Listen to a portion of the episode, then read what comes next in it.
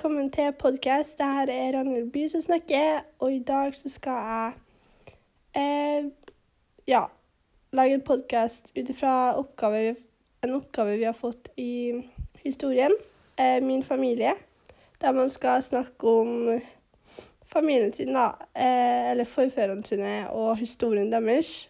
Men i og med at jeg har hatt litt problemer med det, fordi at forfedrene mine, eller besteforeldrene mine, da, er, har blitt syke, så har jeg valgt en alternativ form for oppgaven.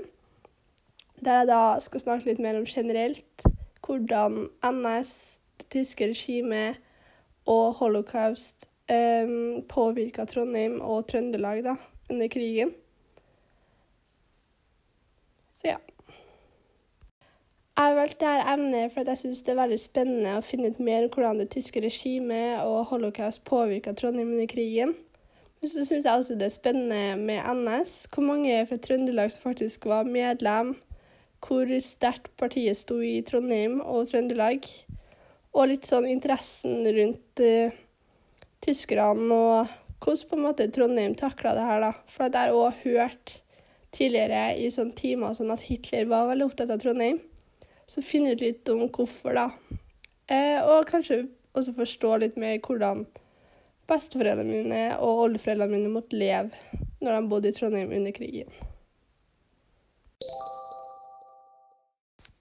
Men først og fremst litt fakta om andre verdenskrig når det kommer til Norge som nasjon, og når vi faktisk ble okkupert. Det som skjedde 9.4.1940, var at landet vårt ble invadert. Det ble seg en sånn slags panikk over landet, og selv om vi har på en måte visst om noe, så er vi dårlig forberedt. Vi har ikke noe spesielt sterkt militære, og det er flere som blir skutt og drept av bombinger som foregår fra tyskerne. Kommunikasjonen er dårlig, det går, det går treigt, det går gjennom brev, og vi har rett og slett ikke en stor sjanse i det hele tatt. Hvorfor trenger egentlig tyskerne Norge? Eh, Norge hadde meldt seg som nøytral, men likevel så, så Tyskland det som nødvendig å, å okkupere landet for sin egen vinning. Hitler mente at kystlinja til Norge var spesielt viktig, og han mente til og med at den kunne bli avgjørende for krigen. Selv om Norge prøvde å gjøre motstand, så var de altfor svake, og etter to måneder så var Norge okkupert den 10. juni 1940. Men hva skjedde egentlig med Trondheim under okkupasjonen? Trondheim var jo en spesiell by for Hitler og tyskerne. De hadde store planer for byen etter krigen, og Hitler trivdes veldig godt i Trondheim. Mens resten av Norge etter krigen skulle få et slags eget selvstyre, så skulle liksom Trondheim forbli under tysk, tysk regime. Og de hadde tenkt å sette inn tysk styre her og tyskerne skulle flytte hit, og det skulle bli til litt sånn tysk by i Norge. Men Tyskland vant jo aldri krigen. Eh, men det er litt spennende for det å tenke på hvordan Trondheim hadde sett ut i dag hvis tyskerne hadde seira, da. Men i hvert fall. Eh, tilbake til Trondheim under okkupasjonen. De flydde jo inn til Trondheim sånn som de gjorde til Oslo og andre byer, eh, og tok over mange steder. Blant annet så tok de over Nidarvoll. Eh, eller det ble kalt for Nidarvoll leir, da. Som bare er noen hundre meter unna huset mitt, som er litt morsomt. Eh, og der eh, hadde de da en slags boplass for syke og for soldater. Og de kjørte en del øvelser og trente. Og etter hvert så flytta også den tyske etterretningstjenesten inn her og bodde der fram til slutten av andre verdenskrig. Så det er jo litt spennende å tenke på. Han tok også et misjonshotell midt i sentrum av Trondheim, som i dag faktisk er eid av Nordic Choice Hotel, og som heter Quality Hotel Augustin i dag. Eh, misjonshotellet ble gjort om da under andre verdenskrig av Tyskland til hovedkvarteret for Gestapo. Gestapo var da Nazi-Tysklands hemmelige sikkerhetspoliti som jobba med å forfølge og avsløre motstandere, da, og gjorde gjerne det her på veldig brutale måter. De var også veldig opptatt av å avsløre jøder, for det var veldig mange jøder som prøvde å gjemme seg for Gestapo da, og for å ikke bli tatt til fange. Eh, det Gestapo-hovedkvarteret ble brukt til bl.a. Eh, terrorisering og mishandling av da motstandere av jøder. Og de brukte også å fange folk der for å få ut informasjon da, eh, om ting som de kunne bruke videre. Gerhard Flesch ble sjef for Gestapo i Trondheim og tilbringte veldig mye tid på dette hovedkvarteret. Og han allierte seg også med Henry Rinnan, som jeg skal snakke litt mer om senere i podkasten. Den store transportplassen i Trondheim ble faktisk på Lade. Eh, tyskerne prøvde først å lande flyene sine på Værnes, men det her gikk ikke. Så etter hvert ble da flyplassen bygd på Lade, eh, og der transporterte de forskjellige ting. Eh, det ble mye brukt, og de bygde rullebane på hele 1300 meter.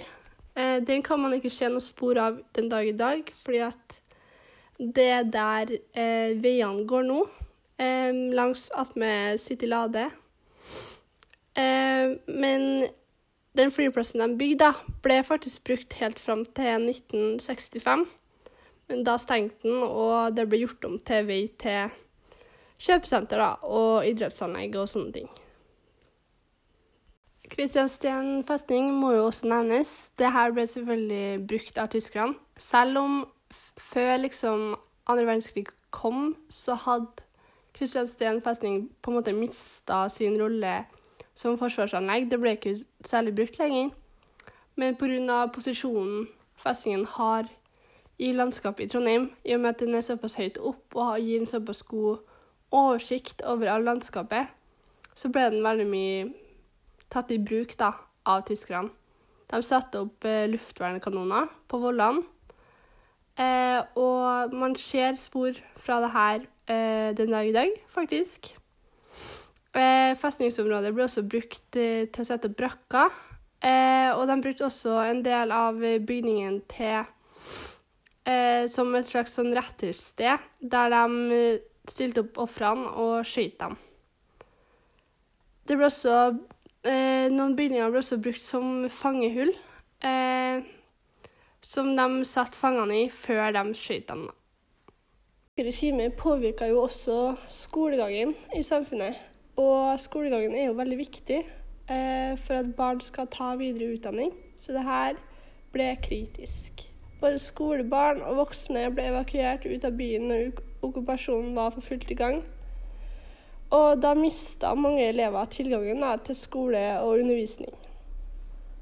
Men heldigvis så roa det seg, og tyskerne tok over Trondheim. Og da ble det mer fredfullt, fordi at de slapp å angripe lenger, for at de hadde tatt over regimet helt. Eh, og da kom hverdagen tilbake, men det var mye som hadde endra seg. Eh, og derfor var det òg Sånn at elever og lærere måtte finne seg i å bli styrt av tyskerne, og dermed så måtte de flytte rundt i byen til ledige klasserom. Det var mye planlegging og organisering som måtte til for at skolen skulle funke, og mangelen på klasserom fordi at tyskerne hadde tatt over så mange bygninger, gjorde at klassene ofte var hjem til folk, og at de måtte tenke litt annerledes, da. Og det her gjorde også at det ble en del konflikter mellom barn fra forskjellige skoler, fordi at de ble blanda, og man måtte eh, på en måte flytte fra et skole, skolelokale til et annet skolelokale, og det her da bydde på utfordringer, i og med at uh, elevene følte de mista tilhørigheten til sin egen skole. da. Uh, og det her viste seg jo etter krigen at elevene ble ganske sterkt påvirka av at de på en måte ikke følte like stor tilhørighet til sin egen skole lenger når krigen var over. Selv om det tyske regimet bydde på veldig mange utfordringer når det gjelder skolegangen, så har de fleste som levde under krigen, som gikk på skole, uttalt i ettertid at det gikk fint, at de lærte mye under krigen, men at de ikke husker så mye. men at det gikk likevel fint å fullføre skolen og få sånn utdanning etter.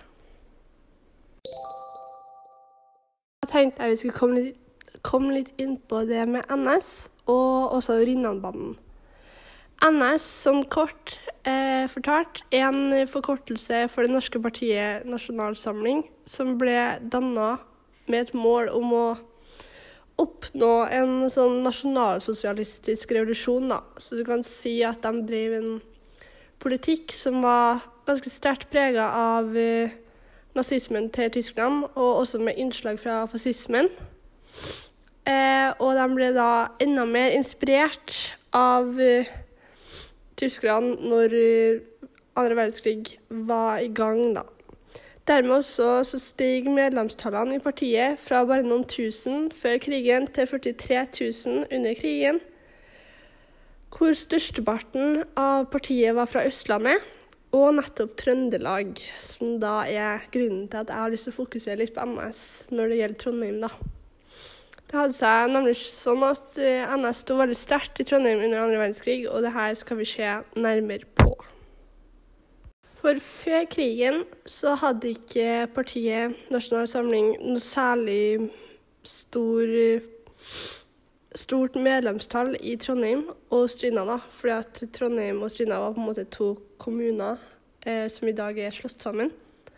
Eh, og de hadde I 1936 så fikk partiet 777 stemmer i de to kommunene, da. Eh, mens når krigen var i gang så ble det en mye større andel som begynte å stemme på Nasjonal Samling fordi at de trodde at tyskerne skulle vinne. Og i tillegg så eh, var det sånn at hvis man stemte NS, eh, så måtte helst hele familien være med. Hvis ikke så fikk de bl.a. ikke beholde radio. Så altså hvis hele familien var medlemmer av partiet, så fikk de beholde radio. da. Og radio var veldig viktig under krigen for å få med seg viktig informasjon og ja, fortsatt ha litt kontroll da, over det som skjedde i Norge. Fordi de hadde jo ikke like mye teknologi og sånne ting som vi har i dag. De hadde ikke telefoner, de hadde ikke sjanse til å se på nyhetene på TV. Så da var det mer radio det gikk i, da. I Trondheim var det også sånn at et NS-medlem ble en ny fylkesmann og fikk eh, det kommunale selvstyret avskaffa.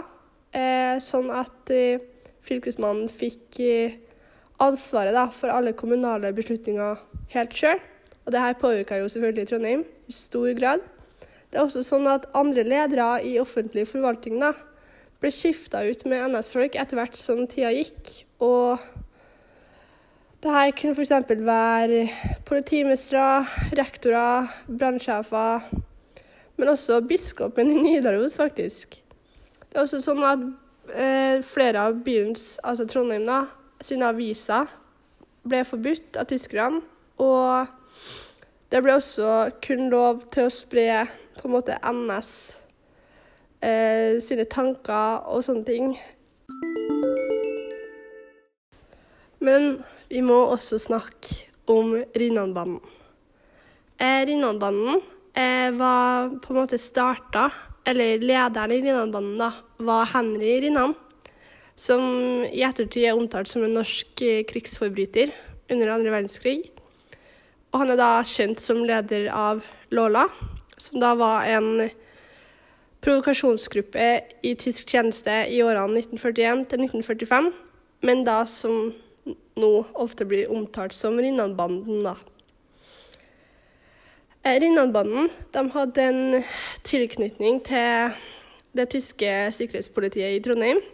Eh, og de bygde opp en organisasjon som til slutt telte over 60 medlemmer. Det de gjorde, da, var at de ga seg ut, til å være, ga seg ut for å være motstandsfolk. Sånn at de kom inn i motstandsgruppa. Eh, og så lurte han dem til å fortelle dem informasjon, sånn at de fant motstandere og jøder. Og etter hvert anga de her folkene som var motstandere og jøder, da, til det tyske sikkerhetspolitiet, sånn at de ble enten drept eller torturert, og så drept eller sendt til fangeleirer. da.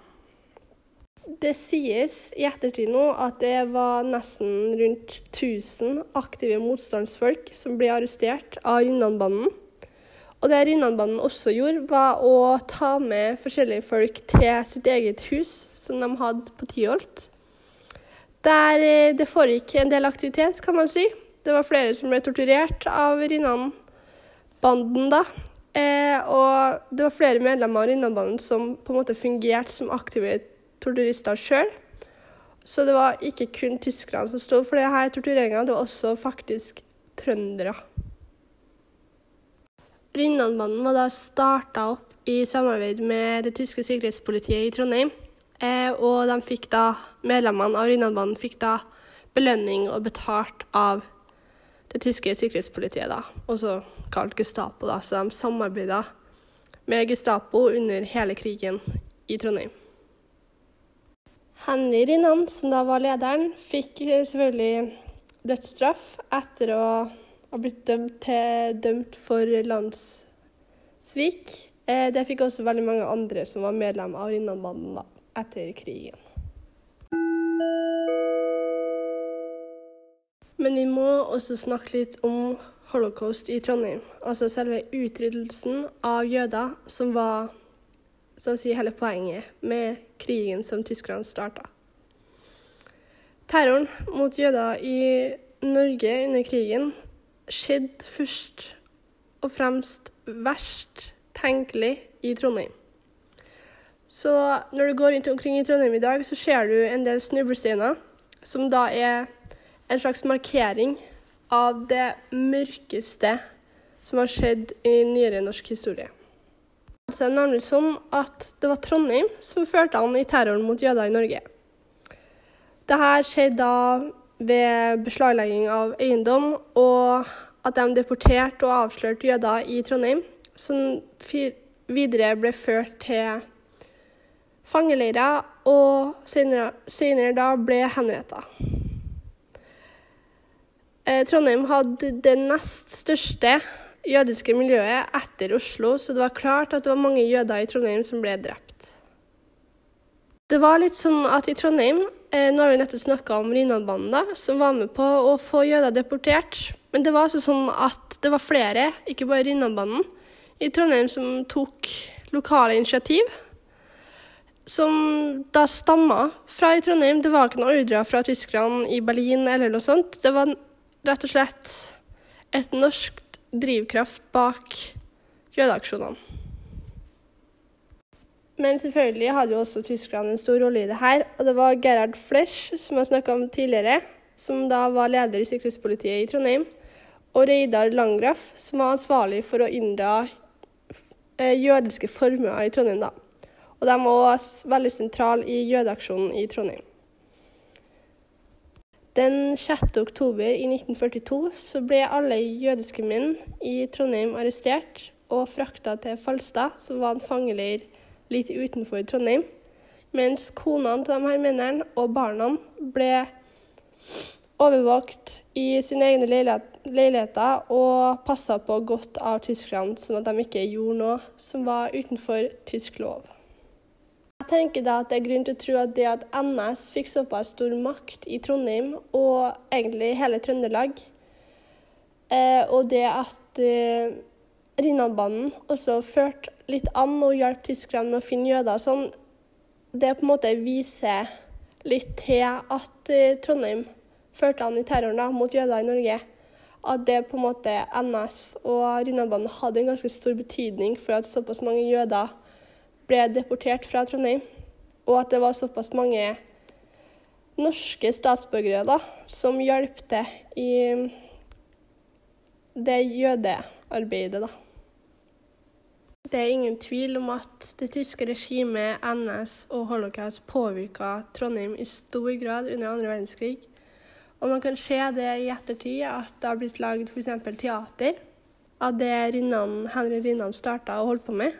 Eh, så Rinnanbanden så jo vi i klassen på teater eh, i 2020. Mm, som da handla om det Rinnan holdt på med under krigen, og det han holdt på med i huset sitt i Jonsvannsveien 46. Noe som var veldig spennende, og som også viser at vi er på en måte klar over historien, og jeg tror at det er bra, sånn at ting ikke gjentar seg. Trondheim har en veldig spennende historie fra andre verdenskrig, og det er mye mer enn det jeg òg har sagt nå, som finnes på nettet, om, som man kan lese om, så jeg anbefaler absolutt å ta en titt. For det er veldig viktig å vite sin egen bys historie, da, og hva den har vært gjennom. Du ser jo disse jødemonumentene, eller de snublesteinene, da, som også er plassert rundt omkring i Trondheim, som det er verdt å legge merke til når du er ute og farter. Ja, så da har podkasten her kommet til en ende. Eh, men før den er helt slutt, så skal jeg oppsummere litt hvilke kilder jeg har brukt. Jeg har da brukt eh, rinnanmannen.no eh, og snl.no for informasjon om Rinnan. Jeg har også brukt strinahistorie.no for informasjon om skolegangen under andre verdenskrig. Jeg har brukt kildenett.no for informasjon om NS. Og så har jeg brukt midtnorskdebatt.no for uh, informasjon om holocaust i Trondheim. Så har jeg også brukt forsvaretsmuseer.no uh, til historien om Trondheim under okkupasjonen. Så har jeg også brukt historieboka og boka 'Bunkeren', eh, som handler om eh, Trondheim under hakekorset, da, altså det tyske regimet, som er skrevet av eh, Carl Brox, Herman Hansen og Knut Sivertsen. Jeg legger også til kildene mine i, sammen med podkasten. Så det var det. Jeg håper du som lytter har kosa deg med podkasten og lært litt om Trondheim under andre verdenskrig. Jeg syns det er veldig spennende, i hvert fall, så det håper jeg du òg syntes. Så snakkes vi senere, vet du. Ha det bra.